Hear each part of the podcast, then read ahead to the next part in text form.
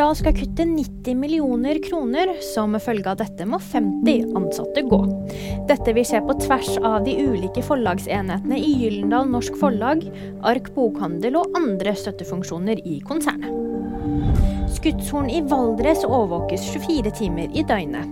Grunnen til dette er at NVE er redde for at et større fjellskred kan forårsake en farlig flodbølge. De vil nå tidlig plukke opp bevegelse i fjellet, sånn at befolkningen ved Vangsmjøset får beskjed i god tid før en eventuell fare. Dette blir dermed ett av ti ustabile fjellpartier i Norge som konstant overvåkes. Toby Keith er død. I 2022 ble det kjent at countrystjernen hadde magekreft og ble behandlet for det. Denne kjente artisten ble 62 år gammel. Og nyheter finner du alltid på VG.